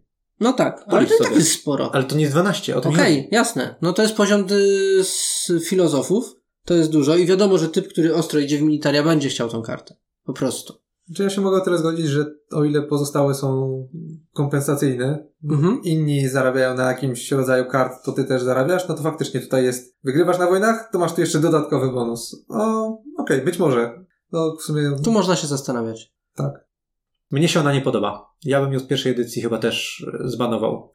Także, no okej, oprócz y, strategów, tak jak mówisz, reszta mi nie przeszkadza. Strategzy też mi aż tak nie przeszkadzają, ale rozumiem ból. I tutaj rzeczywiście nie będę próbował przekonywać. Znaczy jest na to jeszcze jedno rozwiązanie. Zastosować dodatkową zasadę z armady. Mhm. Czyli po prostu żadna gildia nie może dać więcej niż 10 punktów. I wtedy, a, bo filozofowie też potrafią wyciągnąć, yy, wydaje mi się, że więcej. Okej, ale Praktycznie. Jeżeli, jeżeli Mhm. już stwierdzamy, że to jest problem dlatego, że to ci daje bonus ponad to, co i tak e, wygrywasz z tej samej ścieżki, to czy to jest 10 czy 12, to już nie robi Mhm. Znaczy, jak źle się ułoży, to obie mogą 12 wyciągnąć. Tak, tak, ale to, co Marcin przed powiedział, ona jeszcze bardziej faworyzuje gracza, który Tak. i tak wygra na czerwone, a tu jest powiedzmy, nie zarabiasz dużo na zielonych, to nasi sąsiedzi zarabiają, to ty masz takie, taką powiedzmy rekompensatę. Mhm. Chociaż to też jest trochę iluzoryczne, bo wiadomo, oni poświęcili pół gry na, na te zielone karty, a ty w tym czasie szedłeś w inne rzeczy, nie? W niebieskie, w czerwone, w różne inne rzeczy. Ale no, chyba się zgodzimy co do jednego. Gildia strategów jest przegięta w pierwszej edycji. Czy możemy się zgodzić co do tego, że e, warto rozważyć, czy jest przyjęta? Tak. Wiadomo, że podobnie w pewnym sensie co do idei działa ta gildia na pieniądze, aczkolwiek ta wchodzi dużo częściej i dużo mocniej. A tamta musi się mocno złożyć, żeby robiła duże punkty. Ale potrafi. A czasami jest śmieciowa. Mi ostatnio dała w Czasami budowaniu tak. i dała mi jeden punkt. No to, to był mój ostatni pik i tak, no dobra, zbuduję, daj mi jeden punkt. Super. Mogę ją równie dobrze sprzedać. No więc właśnie, zależy jak się ułoży gra na pieniądze, a na wojnę, no, najczęściej jest ten najgorszy i, i te, te 6-9 punktów na trzy osoby wykręcisz na niej. Gildia na pieniądze w ogóle jest z, z liderów, ale ona też wyleciała w drugiej edycji. Aha. Ona jest promosem w drugiej edycji. E, Właśnie chyba dlatego, że ona czasami jest mocna. Tak jakby, jak wszyscy, wszystkie są sytuacyjnie i są troszkę mocniejsze lub troszkę słabsze, tak ta jest naprawdę ruletką i może dać naprawdę dużo albo naprawdę mało. No i okej, i działa w sumie podobnie jak Gildia Strategów, więc tutaj bym nie płakał aż tak bardzo. Mhm. Do drugiej edycji zamiast tego, zamiast gildii strategów do Coreboxa weszła gildia, której nazwy nie pamiętam, ale daje ci 7 punktów, jeżeli ukończysz swój cud. I- Na wszystkie etapy, tak? Tak. I to mi się w ogóle bardzo podoba, bo to też e, jakby nakłania do tego, żeby skończyć cud, nie? Mhm. Bo oto taka jest idea tej gry, żeby budować cuda świata. Tak w teorii, w tym takim pierwotnym założeniu. No. Okej, to ode mnie jeszcze ostatnie pytanie o balans. Czy może raczej o sensowność pewnego rozwiązania. Co uważacie o tym, że się wybiera, komu się płaci? Mnie się to trochę nie podoba, zaraz powiem dlaczego. Wolałbym, żeby to się rozkładało jakoś porówno, jakoś splaszowało po jeden, ale nie jest to wykonalne przede wszystkim. Wiecie, chodzi o to, że jak mam kupić cegły, a mam od dwóch graczy, to im daję po jeden. Ale to jest niewykonalne z kilku powodów. Z tego, że jak ktoś ma kilka cegieł, a ktoś ma jedną, nie, to ja, czy to wtedy się jakoś rozkłada, a jak ktoś wchodzą jeszcze zniżki, to już w ogóle nie wiadomo, jak trzeba by to rozwiązać. Już mówię, dlaczego mi się to nie podoba. Były sytuacje, kiedy zaprosiliśmy czwartą osobę, które nie- no, są na niższym poziomie tej gry, tak? No. I ja w takiej sytuacji, zawsze jak miałem surowiec kupić, kupowałem od tej nowej osoby, bo wiedziałem, że raczej nie wygra. I gracz, który siedział vis-a-vis, nie dostawał ode mnie pieniędzy. No, ale to ja nie wiem, czy to nie jest de facto problem faworyzowania nowego gracza, a nie tego, że płacisz. Znaczy, słuchaj. możesz wybrać, komu płacisz. Wybierasz osobę, która twoim zdaniem jest dalej od zwycięstwa. To jest absolutnie racjonalne podjęcie decyzji. Albo która mniej na tym zyska, albo Mhm. dzięki której ty więcej na tym zyskasz. Mhm. To okej. No ja wtedy przez całą grę płaciłem takiemu graczowi i inna osoba była poprzez to de facto poszkodowana. I w tej sytuacji na przykład chciałoby się być piramidą, w którą wszyscy celują, bo wtedy byłoby gwarantowane, że masz dorobek. Dokładnie. No właśnie, no to jest ta- taki konkretny przypadek. Wiadomo, że Mhm. wiele gier traci na tym, jeżeli ktoś siada, kto jest y, nubem, tak? I nagle to debalansuje grę. Tutaj tej gry nie, deba- nie, nie debalansuje moim zdaniem, ale wpływa w pewien sposób na nasze decyzje. Może wpływać właśnie w takim, jak Mhm. opisałem przypadku. Ja tego nie czułem, bo wiem, o której grze mówisz. Nie miałem takiego podejścia, że o, będę dawał tej nowej osobie, bo ona jest gorsza, to niech jej nie, nie wiem, nie będzie. Nie jest gorsza. Czyli, że gorzej jej idzie, no w tym sensie, tak. Mhm. To nie, że nie sama ona jest gorsza, wiadomo, ale. Gorszym człowiekiem. Marian. Jak mogłeś tak powiedzieć? Przepraszam. Jest mniej lepsza. nie, no nie, ja do tego tak nie podchodziłem. Starałem się traktować tego gracza mimo wszystko na równi. Widzisz, ja po prostu dużo grałem w Munchkina i ta, wiesz, optymalizacja i przycinanie No więc to właśnie. mi wchodzi intuicyjnie. Ale jak już y, mówiliśmy o balansie i o jakichś rozwiązaniach, jak postrzegacie balans cudów? To już w sumie taki ostatni blok dotyczący pewnego balansu. Czy uważacie, że któryś cud jest mocniejszy albo słabszy od innych? W sumie to chyba niezbyt. Ja myślę, że nie, nie grałem dość dużo, żeby faktycznie ocenić, jaki jest balans. Jedyne, co mogę spostrzec, to to, że chyba na cztery osoby mogą się niektóre cuda bardziej wysunąć przez to właśnie, że trudniej jest kontrować, bo jest więcej zasobów, Mhm. a przy trzech osobach to trochę się bardziej zaciera. No właśnie, jak nie skontrujesz, to co się niby wysforowuje? Teoretycznie mógłby się, mógłby się Halikarnas sforować, dlatego że łatwo nim iść w zieloną linię, a ona jest jedną z tych najbardziej punktujących. Z Halikarnasem są dwa problemy w sumie. Jeden jest taki, że nawet jak będziesz kontrolował jego zieloną linię, bo wiadomo, że jeżeli komuś idzie za dobrze w zielonej, to inni zaczynają troszkę kontrolować taką osobę, to on może sobie, o ile nie zakopiesz tego pod cudem, Albo nie wybudujesz bez sensu. Mm, tak, To też jest tak, jakiś... tak, tak, no to on sobie może wykopać z discardu. Jeżeli sprzedasz, on to może wykopać z discardu. I to na stronie B trzy razy. I to jest jeden problem, że ciężej mu kontrolować zieloną linię. A drugi problem jest taki, że jak gramy na czerwonych kartach, już wszystkie czerwone karty zeszły, już się witasz z gąską, a Hali mówi, to ja teraz wykupuję karty i wy- wykupuję jakąś, którą przed chwilą spaliłeś, nie? Albo jakąś z pierwszej ery, no jeżeli to akurat zmieni sytuację. I najgorsze jest to, że to jest straszakiem jeszcze, że nawet Mhm. myślisz, przebiję go, a nie, bo on se wtedy wykopie i w ogóle już po- poddajesz bez walki. To sprawia, że bardzo przyjemnie się nim gra, jeżeli cię nikt nie skontruje.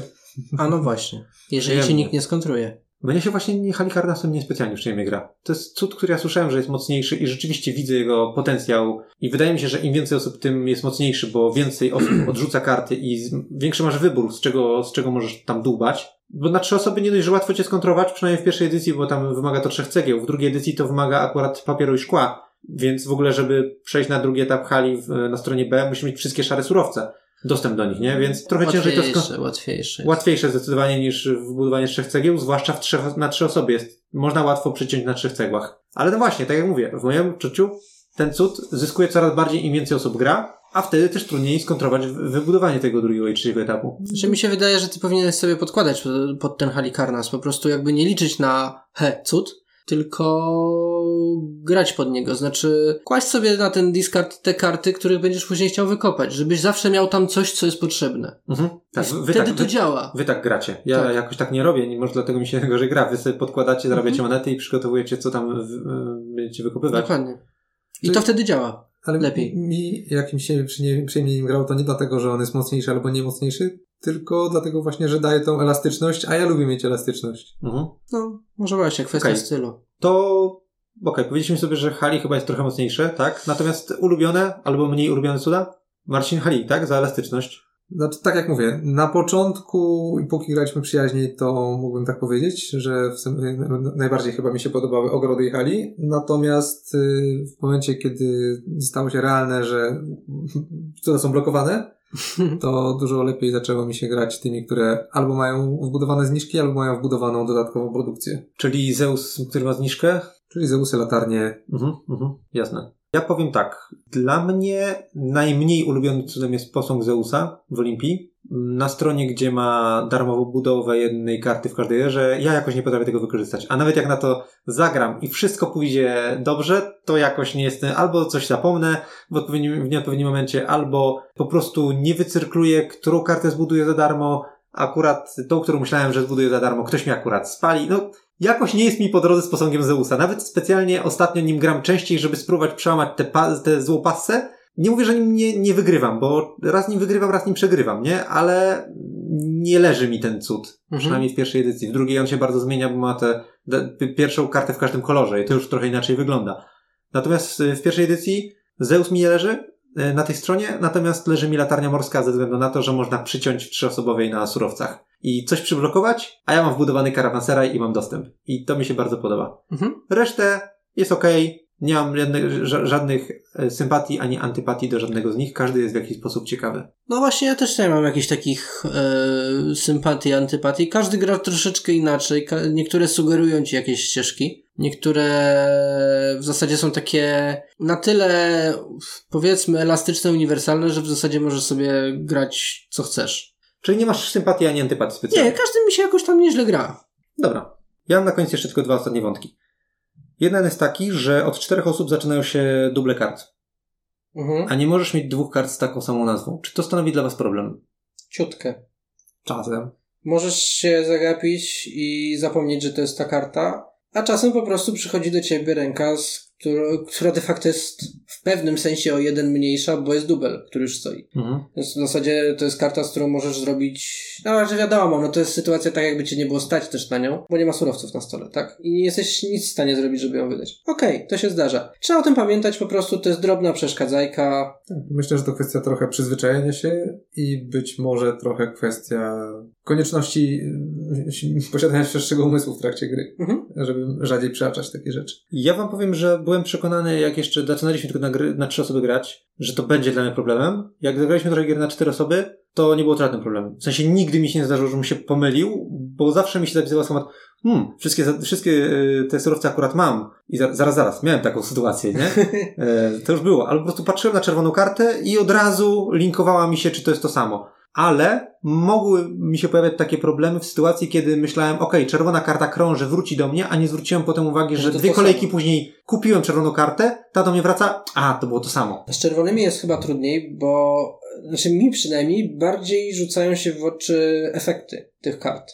No jak, nie wiem, zobaczę drugi raz y, bonus za brązowe karty na żółtej, no to to widzę, że coś jest nie tak, już leży na przykład mi. No, zrobiłem już ten bonus. Przy zielonych też się zapala lampka. O, zębatka. Zaraz, zaraz. Czy to jest zębatka, którą Tak. mam, czy inna? Bo wiem, że się powtarzają, nie? Szczególnie jak lecisz na linki, tak? Z Tak, tego tak, linku tak, już tak. przeszedłem, no to helio, coś jest nie Mhm. tak. A przy czerwonych, no widzisz trzy tarczki, no one są wszystkie takie same. Tak. Tylko po koszcie i po, po nazwie, a na to nie zawsze patrzysz, szczególnie jeżeli masz rękę z trzema kartami czerwonymi, no to wiesz, że do ciebie wróci, ale nie wiesz de facto, nie zauważyłeś. To tak jak masz rację, chyba najbardziej z czerwonymi boli. Wydaje mi się, że dało się obejść ten problem i dla niektórych osób może być to problem, że karty się dublują. Ja myślę, że to zostało zrobione specjalnie, bo to się dało. Żebyś po prostu nie miał w rotacji za dużo kart, w które możesz pójść. A, i idziesz w jedną, a Tak. ktoś ci podbierze, tylko jak jest dużo, to wiesz, że któryś z tych, który ma trzy kamienie i sukno, powinien do ciebie dotrzeć Tak. i jesteś na to przygotowany. Tak, że jesteś Fakt. w stanie wydać,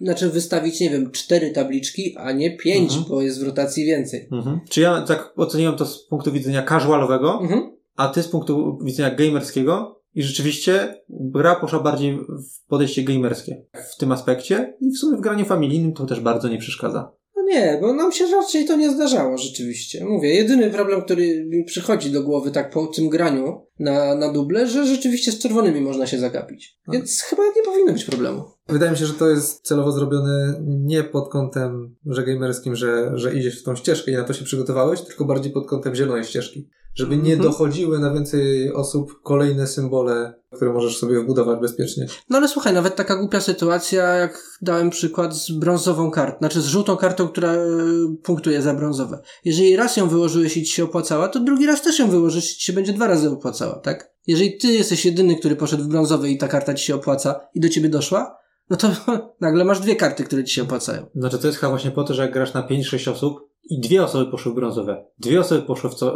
w zielone, to żeby nie było tak, że wszystkie te karty przejdą i zatrzymają się na jednej osobie, Mhm. tylko żeby doszły do wszystkich, żeby Tak. wszyscy mieli e, uczciwe szanse. A zarazem, że jeżeli jedna osoba poszła w brązowe, to nie ma podwójnego boostu na tym. Mhm. Czyli widocznie po prostu z balansu im tak chyba Mhm. wyszło. Tak, że to ma tak. więcej sensu. Tak, tak, tak. Jest to y, ewidentnie niezbędne, żeby, żeby tak było. Natomiast no cóż, trzeba o tym pamiętać, jest to jakiś tam mały minu, minusik tej gry. Drobny. Podobnie właśnie jak w drugiej edycji linki między budynkami, które nie są rozpisane, nie? To jest ten podobny, podobny poziom. Mhm. Dobra, to ostatni punkt jeszcze tak na rozluźnienie. Jak czujecie klimat tej gry? Klimatyczna, nieklimatyczna? Wiadomo, że to są karty, symbole i tak dalej, to jest wszystko uproszczone na ikonografii, ale czuć klimat rozwoju, cywilizacji czy coś takiego? No, jak najbardziej. No, zasadniczo co? No, rozwijasz się w trakcie tej gry. Masz cuda, masz, e, no, to wszystko jest osadzone w tej takiej starożytności, no, tej takiej, w starożytności. Wiesz, są różne starożytności, widzę Eee, Hellas. No dobra, okej, okej. Nie, no, dla mnie jest klimatyczna, jak najbardziej. Czy, czy klimatyczna? No jest na pewno ładna. Klimat to chyba dla mnie za dużo powiedziane.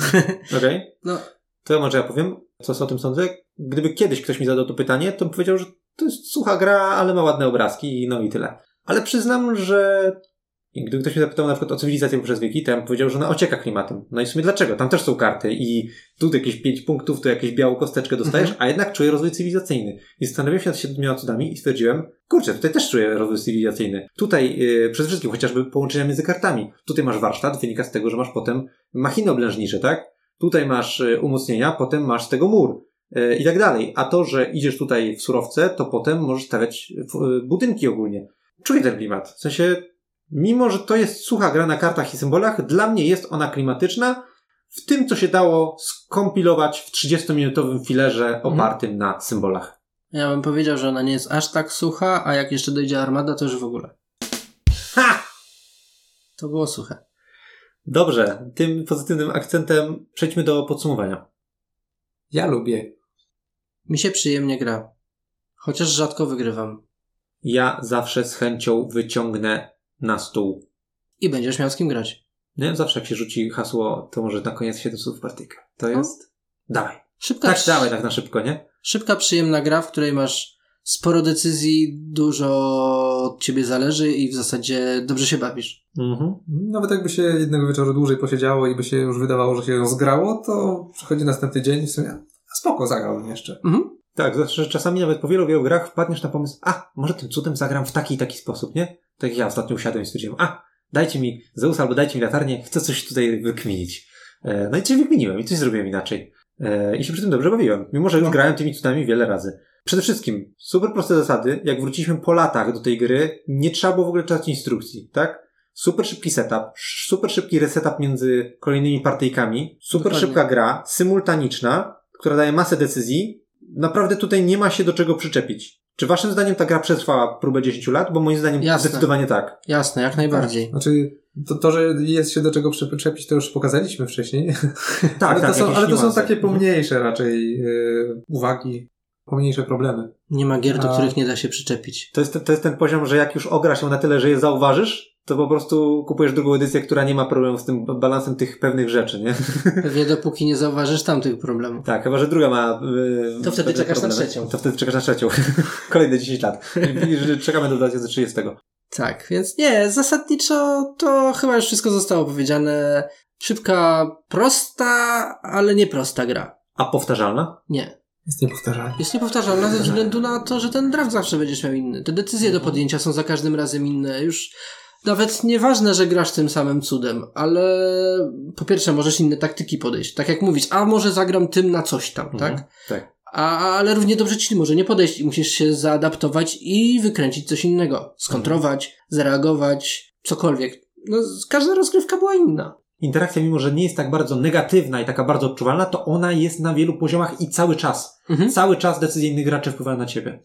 Yy, Tak, ja już tak naprawdę parę razy miałem wrażenie, że, że ta gra się staje powtarzalna, właśnie zwłaszcza przy, przy rozgrywkach trzyosobowych i po jakimś czasie nagle się okazywało, że jednak zaczynamy grać inaczej i już to wygląda zupełnie też Tak, czymś po zaskoczy. Na przykład właśnie e, niebiesko-żółtą piramidą. Hmm. To nawet mnie zaskoczyło, jak to zrobiłem. No, mo- może ta powtarzalność występuje na poziomie, że już zagrasz jednego wieczoru trzy, cztery partie, to zastanawiasz się, że może by zmienić już grę na inną, Tak. ale niekoniecznie, ale już może tak. Natomiast wrócenie po tygodniu, albo Jasne. nawet po dwóch dniach, super. Poza tym, kurczę, to jest gra na pół godziny. Tak. I fajna gra na pół godziny. Przede wszystkim. Ode mnie to jest po prostu piątka. Tak, dla mnie bezwarunkowo piątka. Zgoda? Dobra, w takim razie wszystko już wiecie. E, Trzy razy pięć. To Dziękujemy. Do usłyszenia następnym razem. Mówili dla Was Malarz. Marian. I kurde jest. Pa, pa, pa.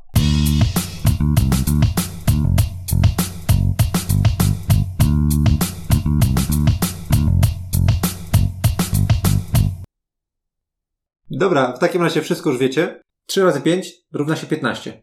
O, to jest dobry sposób, żebyśmy wciągali nie będzie średniej, tylko będziemy mnożyć. Nie, no, sumy. Nie, właśnie nie, właśnie... y, Ale mno- 15 to suma. No. A, racja. Nie, już nie zmieniajmy systemu ocen, proszę. Zostańmy przy jakimś. Teraz, cześć, witamy w dogrywce. Dogrywka A do dzisiaj gry. jest- Zmieniamy tę grę na 15 w skali od 1 do 6. Yy, tak. Tak, ale jeżeli zbierze się tylu graczy na, ty, tylu z nas jest akurat razem przy stole, to wtedy mnożnik jest inny, bo jeżeli tylko dwóch, to ich oceny są podniesione do kwadratu. Generalnie liczysz jak zielone karty, Mhm. albo jak niebieskie karty. Tak, dotychczasowa najniższa cena to była 3, musieliśmy coś z tym zrobić, więc wprowadzamy połówki. I teraz na koniec jeszcze runda premiowa. Jej. Słuchajcie, to jest jakiś pomysł, ja to przemyślę. Dobrze, brzmi jak cudowna przyszłość naszego podcastu. Wiecie, wielkie liczby lepiej się sprzedają.